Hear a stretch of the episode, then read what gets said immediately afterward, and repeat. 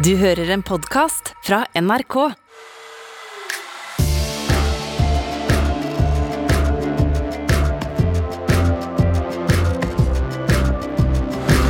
Hjertelig velkommen til Nyhetsblanding, en podkast der du får oversikt over det viktigste og beste nyhetsbildet, så du kan briljere i samtaler og diskusjoner fordi du har så peiling på nyheter. Jeg heter Ole Klevan. Jeg heter Fanny Odden. Og jeg heter Rima Iraki.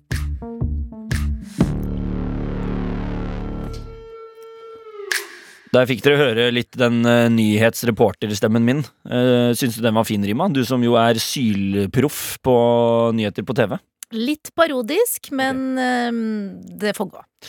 Det, takk. Eh, det er jo oss tre, da. Fanny, Rima og Ole. Tre nyhetsjournalister som skal gi deg hovedsakelig tre saker fra nyhetsbildet der ute i verden og her hjemme.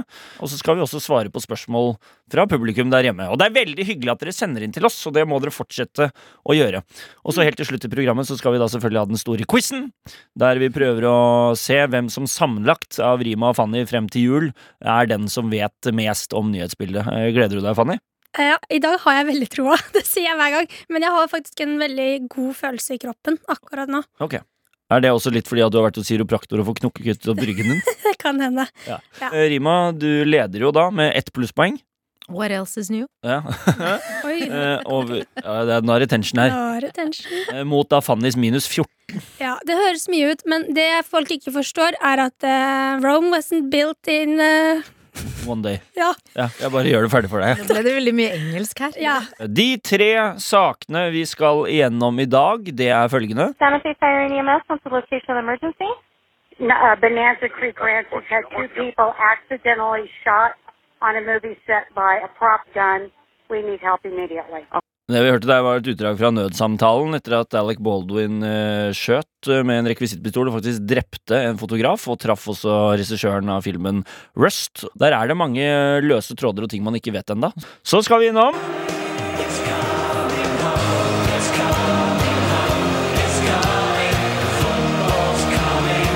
to Saudi Arabia. Ja da, vi skal selvfølgelig innom sportsvasking, blant annet det at Saudi-Arabia kjøpte fotballklubben Newcastle, men det er ganske mye andre greier der også. Så skal vi innom Du må holde over drinken din så du ikke blir dopa med. Det er liksom blitt løsningen på byen det nå Hvis jenter får eh, dop i drinken sin, som mange får, så får de bare beskjed om å holde over glasset. Det er ikke noe grei løsning, syns jeg, da. Nei, jeg syns det er helt på trynet. Ja, så vi skal, det er eh, for noen saker vi skal innom, og vi gønner på!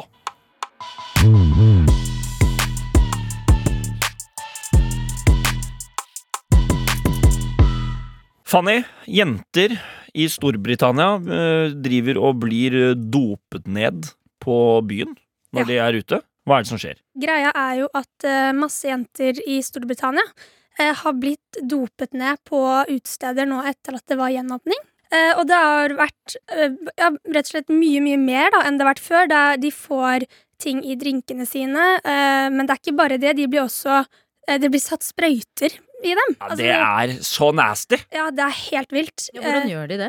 Nei, da, det er for eksempel, ja, på dansegulvet, for eksempel. Kom, du, da er jo mange borte, du tenkte ikke over det. Og da kan de på en måte bare sette en i armen, eller i Ja, nå er ikke jeg ekspert, da, hvor man setter sprøyter på folk. Ja, hun ene, det var en som het eh, Sarah Buckle, eh, Ja. som eh, var på byen. Og så ble hun dopet ned. Kom på sykehus, lå på sykehuset ti timer etter å ha fått fått eh, dop i seg. Og så ser eh, hun at hun har et blåmerke på hånden mellom tommelen og pekefingeren. Og så sier legen sånn, der ser jeg at det er et stikk, så det ser ut som du har fått en sprøyte i hånden. Så da har en eller annen kar kommet bort og poket med en sprøyte inni hånden hennes og Ja. dopet henne på den måten. Det er helt vilt. Og mange av de som blir dopet ned, husker jo ikke hva som har skjedd. Og så er jo problemet at det er jo så vanskelig å anmelde det her. Fordi at eh, du, f- du vet jo ikke hvem det er som har dopet henne. Og eh, mye av det som har vært litt rundt, tror jeg, er eh, GHB. Og det går så fort ut av systemet også, i tillegg. Så hvis du ikke kommer deg til liksom, legevakten, for eksempel, samme kvelden det skjer, da, så er det ute av systemet ditt dagen etter, nesten. Så da kan du heller ikke få bevist at det er det du har fått i deg. Så det er eh, veldig mange sånne saker som anmeldes, blir jo henlagt. Ja. Fordi at politiet har ikke sjans til å på en måte følge det opp. Eh, Og de doper dem ned fordi de vil voldta dem? Ja, det er jo flere som har blitt eh, voldtatt da, ved å ha blitt dopende, eller at det har blitt begått overgrep mot dem. GHB er jo kjent som det man kaller for the date rape drug. Ja. Fordi GHB har jo en rus som kan minne litt om eh, alkohol. Eh, du blir avslappet, du får svekket koordinasjon, du blir kritikkløs, og du kan få en sånn følelse av eh, lykke. Men så kan det virke raskere og sterkere. Så det har jo vært også meldinger sånn fra Oslo om uh, jenter som har blitt dopet ned på GHB, og så Mm. plutselig ligger bare helt uh, livløse omtrent inne på toalettet, for eksempel. Så Ja. tror man bare at de har blitt kjempefulle, men så har de fått GHB i drikken sin. Og problemet også er at det er vanskelig å liksom smake hvis du allerede er litt brisen og tar en uh, slurk av ølen din. Så det er ikke sikkert at du smaker at oppi der Nei. har det kommet noe GHB. Så drikker du ølen, og så er det ja. Eh, og så har vi, vi har jo eh, fått høre fra folk jeg kjenner som har vært ute på byen i Oslo, og fått beskjed da av dørvakter at eh, hold over, gjerne pass på å holde over glasset ditt, så det ikke kommer eh, noe dop oppi der når du er her ute på utestedet. Og så slitsomt. Ja. Ja. mye du skal tenke på hvis du er jente, og særlig ute på byen. Eh, Er det noe du tenker på når du er ute, Fanny? Nei, jeg er veldig dårlig på det. Eh, Men jeg føler jo nå bør man jo alle begynne å tenke litt mer på det. Spesielt siden det har vært så mye etter gjenåpningen. da. Eh, Og en som heter eh, Hannah Thompson i England eller Storbritannia. Hannah Thompson. Hun fikk med seg jo at mange jenter i det siste nå har begynt å bli dopet ned i det området hvor hun er ute og klubber. Mm -hmm. uh, Og har også funnet ut gjennom egen undersøkning da, at uh, utestedene er ikke pålagt å på en måte sjekke folk eller passe på at ikke sånne ting kommer inn på utestedene. Så hun har uh, laget sin egen underskriftskampanje. Og denne underskriftskampanjen hennes har jo fått over 168 eh, 000 signaturer. Ja. Som er ganske mye, fordi når det er over 100 000, så må det britiske parlamentet eh, faktisk eh, vurdere om de skal ta saken til debatt da, og oh, gjøre noe med det. Så hun kan jo faktisk få til en endring her. Og i tillegg så er det en annen kampanje også, som går akkurat nå, faktisk. I, basically i kveld. Eh, nå spiller jo vi inn på en torsdag. Mhm. 27. og 28. oktober. Eh, en kampanje som heter Girls Night In, som også da handler om at mange jenter i Storbritannia holder seg inne den 27. og 28. oktober for å boikotte da, Ikke går ut og utesteder. Ja, for å liksom få til endring. De valgte Så- jo, jeg synes jo bare, hvis jeg kan rette litt kritikk til Girls Night In, så valgte de da onsdag og torsdag å ikke gå ut og klubbe. Altså, det er greit at det, skjer jo av og til litt på torsdager, men onsdag skjer det ingenting, så de har jo gjort det litt taktisk, og så er det sånn jo, det er fredag, lørdag, woohoo! Skjønner du hva jeg mener? Det er halloween. Det er jo lille kritikk. lørdag, da. Ja da, men eh, liten kritikk vil jeg rette der, at det var sånn, du, hvis vi først skal ha en kampanje, vi tar de dagene det ikke skjer så mye på byen. Men det er sikkert litt vanskelig fordi at det er halloween i helgen. At de er litt sånn ah, Men halloween må jo faktisk få med oss Ja, da skjer det jo sikkert eh, enda mer. masse. Og det ser jo at det er sånne eksempler på by. Du har Girls Night inn i både Edinburgh, Nottingham, Glasgow, London, Leeds og Manchester. Så Mm. det er ganske mange som ikke klubber eh, 27. oktober og 28. oktober da, i Og det har funka. Flere utesteder har eh, faktisk stengt arrangementer og sånn for å støtte Ja. denne bevegelsen eller kampanjen. Bra. Og faktisk, eh, Shirin, hun fra Er det Paradise Hotel, da? Ja. eh, Hun har jo opplevd det her etter gjenåpningen. Ja. Og hun eh, sier jo også at det som er lurt, er å ha på posisjonen sin når man er ute med venner, sånn at de kan se hvor du er. Sånn at Altså hvis, på iPhonen. Ja. riktig. sånn. ja. slik at hvis du blir dopa ned, og det går skikkelig gærent, så kan de på en måte se hvor hen du opp befinner deg, da. Smart. Og så burde vi vel kanskje da også begynne med å eventuelt på noen utesteder, spesielt steder hvor man vet at sånne ting kan skje, begynne å kroppsvisitere og sjekke at folk ikke tar med sånne Ja. eh, ting inn.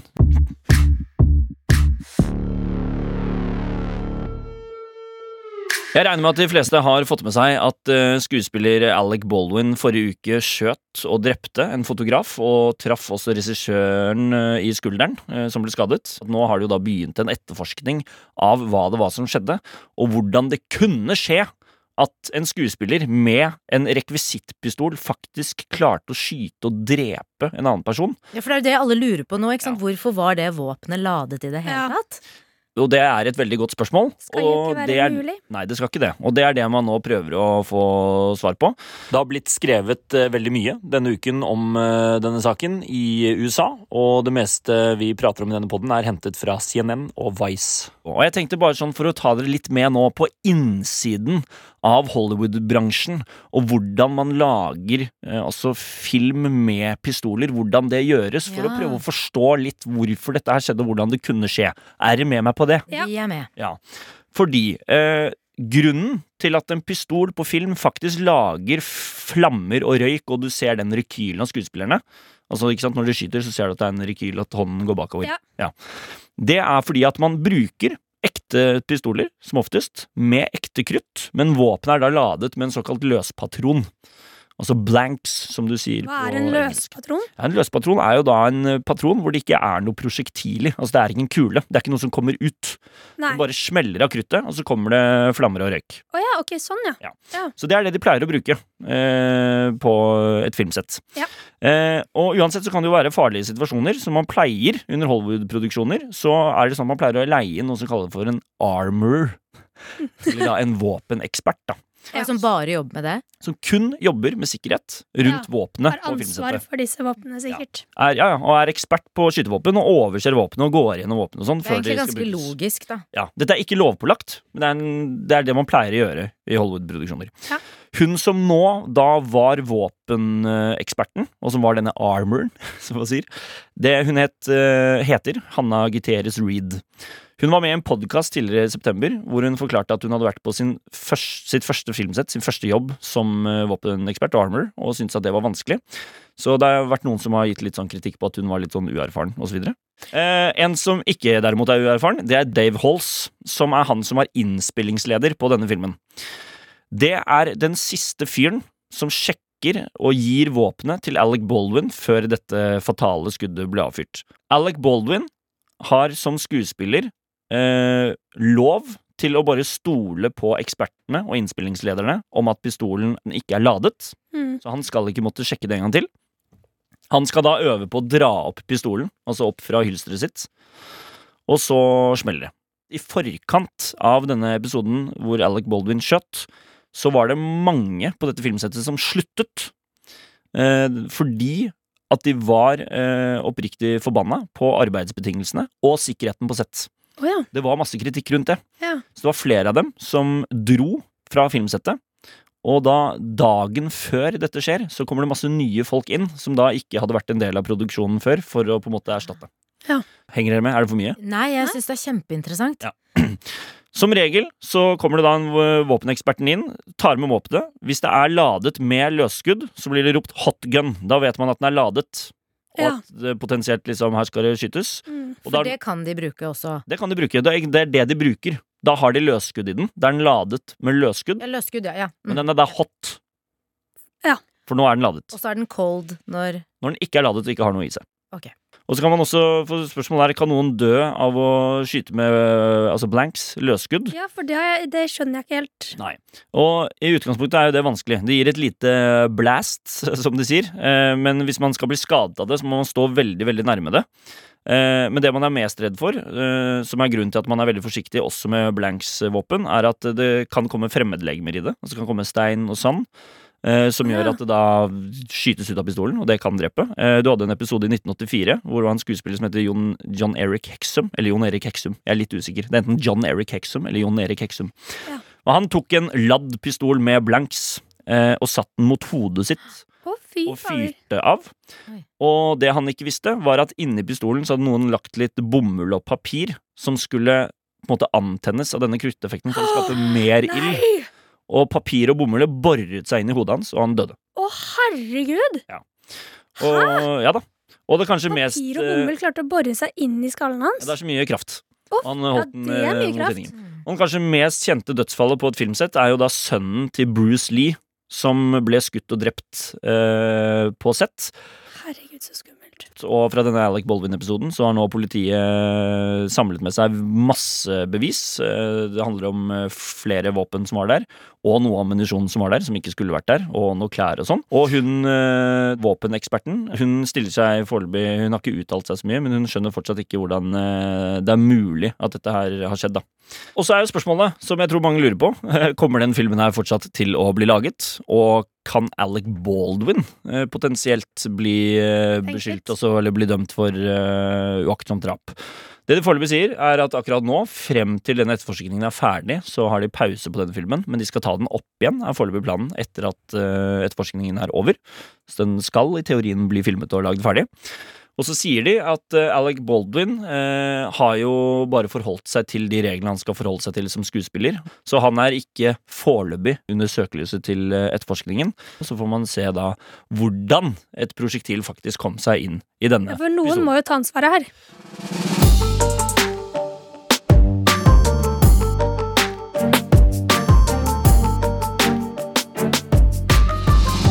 Rima på Urix-episoden din, TV-programmet ditt, så snakket dere da om eh, sportsvasking.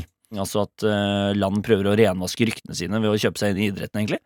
Ja, det, egentlig, det var jo egentlig ganske godt forklart. At man kjøper opp eh, idrettslag, arrangerer store idrettsarrangementer eh, for å mm, dekke over menneskerettighetsbrudd. Ja. Eh, og det har jo blitt aktualisert eh, nå igjen, eh, etter at eh, Saudi-Arabia kjøpte opp eh, fotballklubben Newcastle. Eh, en ganske middelmådig fotballklubb, er det lov å si? Ja, du hisser på deg noen fans ja, ute de der nå, ja. Men de har jo nesten ikke vunnet noen kamper på veldig mange år. Ehm, ja. og, og nå har de blitt kjøpt kjøpt opp til rundt 3,5 milliarder kroner Ja. av eh, Saudi-Arabia. Altså, nå har de så mye penger at de kan ha råd til å kjøpe eh, mange av verdens eh, største fotballspillere. Og også få et større støtteapparat, eh, få inn alle de folkene man ønsker. Nei. Og med det så kan man kanskje begynne å vinne noen kamper igjen. Så fansen det skal jo sies at de er i Premier League, da. Så de, De er i Premier League, men, De er eh, riktignok nest nederst i Ja, Premier League. altså, Enten så er man fotballinteressert, eller så er man ikke så veldig fotballinteressert. Ja, det er litt det. Men fotball er ganske viktig, eh, for at fotball er ikke bare fotball. Det er, det er Ja, mye dette makt. liker jeg å høre. Mye makt, det er mye penger, og det er jo den eh, sporten som forener eh, hele verden. Det er vel ingen annen sport som skaper en så stor fellesskapsfølelse som det fotballen gjør. Men uansett. Dette oppkjøpet har jo ført til at eh, fansen har blitt eh, splittet. Eh, Fansen i Newcastle, altså Newcastle by, er jo kjempefornøyd, for at nå, nå blir de endelig rike i denne fotballklubben, og de håper jo nå ikke bare å vinne kamper, men at dette skal føre til at byen nå kan blomstre. Arbeidsplasser og så videre. Ehm, mens ehm, den andre delen av fansen, eh, også her i Norge har vi jo sett det, eh, så har eh, noen gått ut mot dette oppkjøpet og sagt at jeg har heiet på Newcastle hele mitt liv, men dette liker jeg ikke fordi at Saudi-Arabia begår menneskerettighetsbrudd. Jeg kan ikke støtte en klubb som halshugger sine egne, som torturerer fanger, som driver med kvinneundertrykkelse. Ja. Og så er det jo noen som krever at fansen skal uh, boikotte. Eh, men så sier jo fansen ja, men hvorfor skal vi eh, bry oss eller gjøre noe med dette eller ta et standpunkt når ikke de som sitter helt på toppen, altså statsministre og presidenter i Vesten, de har jo et veldig godt forhold til land som Saudi-Arabia. Norge, for eksempel. Vi samarbeider eh, godt med Saudi-Arabia. Saudi-Arabia er jo en alliert, en god venn av USA. Vi er jo som oftest venner med de som eh, er USA sine venner. ja, ja. Um, og selv om vi da eh, har gått ut og, eller Norge har gått ut og kritisert em, Saudi-Arabia for menneskerettighetsbrudd, så har jo de som er kritikere sagt at det på en måte bare har vært et spill for galleriet. At ja, ja, man sier nå må dere slutte å gjøre det der, Saudi-Arabia. Eh, men at man bare sier det for å ha sagt det. Men så går man jo ikke lenger. Man boikotter jo ikke eh, Saudi-Arabia. Man innfører ikke sanksjoner eller straffer dem som eh, man har sett at man har gjort med andre land som man ikke er venn med. Iran, for eksempel, har jo blitt isolert. Man har innført sanksjoner fordi at de har gjort ting som eh, Vesten har vært imot. Ja. Eh, men fordi at Saudi-Arabia er en venn, så kan man ikke gjøre det samme. Nei. Eh, det er jo det ekspertene sier, da, Ja. eh, som, som eh, kan dette veldig godt. Eh, Iran er sikkert sinte for at de fikk sanksjoner, og ikke Saudi-Arabia. ja, de er jo ikke venner, Saudi-Arabia og Iran. Oh, ja, nei, okay. De, De- er fiender. Mm. Det er sånn Mean Girls-opplegg, det her. Mm. Ja, du, det er faktisk ganske. Regina, Regina, Regina Ja. George. Ja. Ja, det er sånne Det er klikker. Ja. Det er klikker, og så Norge er Karen. Men det er jo sånn verden fungerer. Det er noen klikker, og så er det viktig å være venn med de riktige menneskene. Ja. Eh, og hvis du skal kritisere dem, så må du gjøre det på en litt sånn mild måte.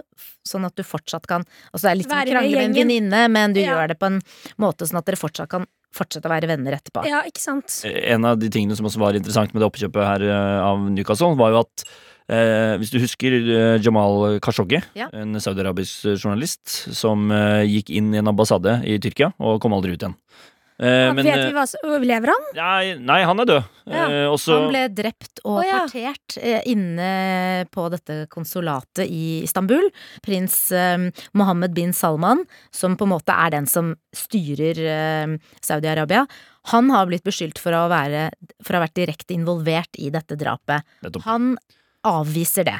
Og Ja. han avviser det. Men poenget er at eh, eh, PIF, altså PIF, som er forkortelsen for oljefondet til Saudi-Arabia, eh, det er på en måte de som har kjøpt opp klubben Newcastle. Og han, Mohammed bin Salman, er jo sjefen, altså lederen, for eh, Statens oljefond. Så kona til Khashoggi var jo en av de som var tidlig ute og kritiserte oppkjøpet av Newcastle, og sa sånn 'dette må dere ikke godta', for eksempel. Da. Mm. Eh, og Premier League har jo noe som kalles for en sånn eh, fit and proper-test. Som er en test de går igjennom eh, for å se når det skal være et oppkjøp. For å sjekke om eh, den da nye eieren da rett og slett er altså ikke umoralsk. Altså Målet er å forhindre at umoralske eiere tar over fotballklubber. Så var det da fokus på at eh, dette oljefondet egentlig, siden det egentlig var en del av Saudi-Arabia osv., så, videre, så var det på en måte ikke en fit and proper. Men så kom på en måte Saudi-Arabia og bin Salman og sa sånn Nei, PIF er egentlig ikke en del av Saudi-Arabia som land, så det går fint. Så da sa de ok, greit, men da går det fint likevel. Og det er veldig spesielt å si at en nasjons oljefond ikke er en del av staten, og bare blir med på det. Så de har laget noen regler, og så har de egentlig ikke fulgt dem helt, fordi at eh, når det kommer noen som skal kjøpe på en klubb til 3,4 milliarder kroner, så er det jo litt vanskelig å si nei, da, kanskje? Ja, Da, I hvert fall når det du ligger på bunnen av Premier League. Ja. Ja. Så hvis vi nå har noen eh, statsledere som hører på podden og tenker at eh, min nasjon har jo et litt eh, frynsete rykte, kjøp opp en fotballklubb og flytt fokus. Brann, for eksempel.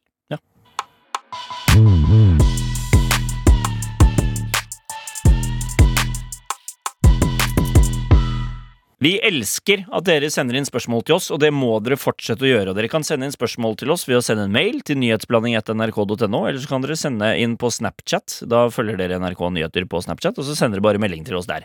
Og vi skal holde oss litt i sportsvaskingområdet, eh, fordi at eh, når du hadde sending i går, Rima For eh, vi kan jo ta når det kommer inn fine spørsmål hos deg også, så tar vi de. Og det var ved 14 år gamle Konrad Østli som hadde et ganske bra spørsmål på din sending i går. For han lurte på, eh, åpenbar Newcastle-fan, da, vil jeg anta, han spurte kan Newcastle nå kjøpe både Messi, Ronaldo, Haaland og Salah. Det er ønsket hans. Eh, Dream Team. Dream Team. Og kan de det? Og svaret på det det skal du få av eh, NRK sportskommentator eh, Jan Petter Saltvedt. En forferdelig tanke. Eh, ja, de har råd til å kjøpe alle disse og eh, deres sønner og døtre i de neste ti generasjoner. De har 20 ganger så mye penger i dette saudiarabiske oljefondet enn det man har tilgjengelig i Manchester City, hvor man mener man har altfor mye penger. I teorien kan de kjøpe alle de vil, inkludert eh, Konrad når han blir et par år eldre. Så ja, du Her er det bare å kjøpe inn, eh, tydeligvis. Og jeg tenker jo at eh, når jeg eh, etter hvert er ferdig i NRK og begynner på min profesjonelle fotballkarriere, så blir jeg også opp, kjøpt opp til Newcastle. Ja, da skal jeg begynne å heie på Newcastle. Bare gled dere. Jeg kommer fortsatt ikke til å se på fotball.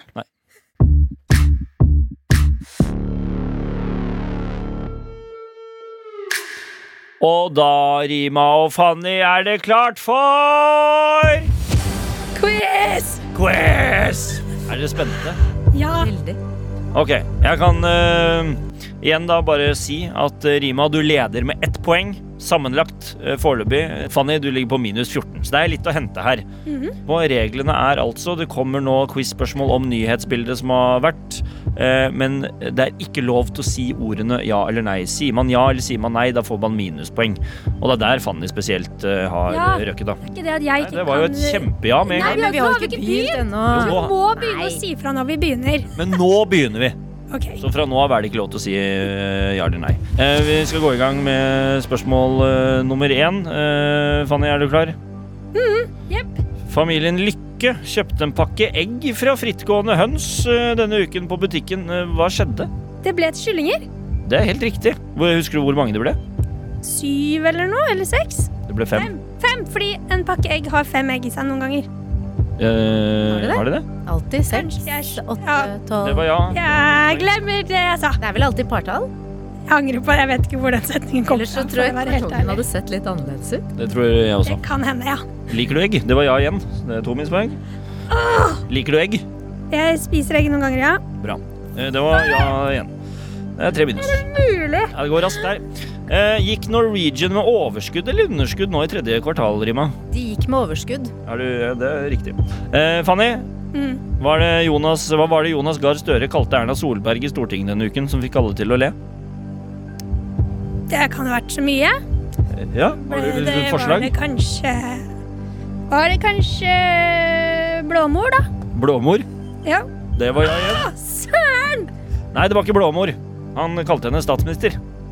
Hun Ikke er, sant? hun er jo ikke det lenger. Det er hun ikke. Bra. Det tar også tid for en statsminister å venne seg til at han har blitt statsminister. Ah, han gikk på en smell. Gikk rett og slett eh, på en eh, smell. Eh, hva gjorde prinsesse Mako av Japan denne uken, Rima? Hun ga opp prinsessetittelen for å gifte seg eller forlove seg med mannen i sitt liv. Jeg ga opp uh, prinsessetittelen for Hun møtte han mannen på, i studiene sine. Hva sa du? Hun møtte han når, de, når hun studerte. Så koselig. ja. Koselig. Hadde du gitt opp prinsessetittel for kjærligheten, Rima? Aldri. Du hadde ikke det? Hadde du gjort det, Fanny? Ja, penger. Det var nei. Ikke på deg, på Rima. Ikke sant? Bra. Der klarte du å lure meg. Jeg gjorde det. Det var litt deilig. Men eh, hadde du gitt opp prinsessetittelen for kjærligheten, Fanny? Aldri. Hadde du ikke det? Nei, jeg Det var mener, nei igjen. jeg mener at det Ja. Nei! Det var ja, og det var to. Og ja og nei. Jeg klarer ikke. Nei, du gjør ikke det. Og nå begynner jeg å svette. Gjør du? Nei, Ok, Vi går videre. Eh, hva har premiere om ni dager på NRK, som lanserte noe helt spesifikt denne uken? Førstegangstjenesten. Nei. Maskorama? Ja, Maskorama. Maskorama. Ja. Oi, det ble sesong to. Det var å ja. Det ble sesong to. Ser dere på Maskorama? Jeg gjorde det forrige sesong. Jeg også. Likte dere den? Syns det var veldig gøy, faktisk. Du og Rima? Det, ja. Å ja. Kjempe, ja. Eh, ok, Hva heter filmen eh, Alec Baldwin eh, nå spilte i hvor det ble avfyrt et skudd? Men det sa du i stad. Jeg vet det. Rust. Ja, ok, Så du husker det? Jeg pleier som oftest å huske ting. Jeg har ikke gullfiskhukommelse. Jeg skjønner. Har du gu- gullfiskhukommelse, Fanny? Det er sikkert mange som vil si. Ja. Har du gullfisk hjemme? Jeg hadde en kampfisk som jeg fikk til jul en gang. Kampfisk? Men den døde Eller jeg måtte gi den bort fordi at jeg klarte ikke å Jeg visste ikke hvordan det var å ha fisk, faktisk. En kampfisk? Og så døde den. Hvorfor en kampfisk? Det var eh, til russebussen vår. Den var på en måte en slags maskot. Du hadde en kampfisk til russebussen? Wow. Det hadde jeg. Ok, greit. Oi, oi, oi. Da er quizen over! Veldig bra. Nå kan dere si ja og nei. Gratulerer. Nå har jeg ikke flere ja igjen. Jeg brukte opp alle på quizen. En, to, tre, fire, fem, seks, syv, åtte. Minus åtte på skrike. Fanny, men så blir det minus syv, for du fikk et plusspoeng. Fikk ikke jeg to plusspoeng? Uh, nei, du fikk ett. Å ja.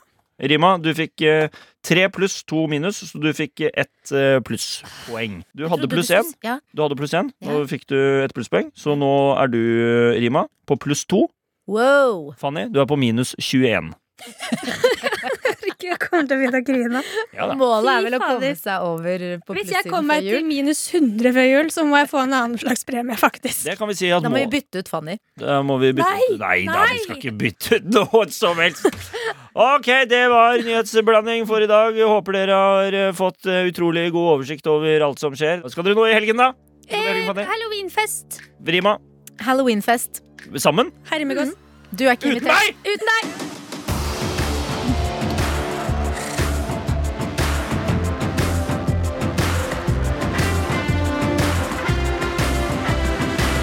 Nyhetsblanding er produsert av og for NRK. Produsenter er Trude Furuli og Silje Vettre. Ansvarlig redaktør Espen Olsen Langfelt.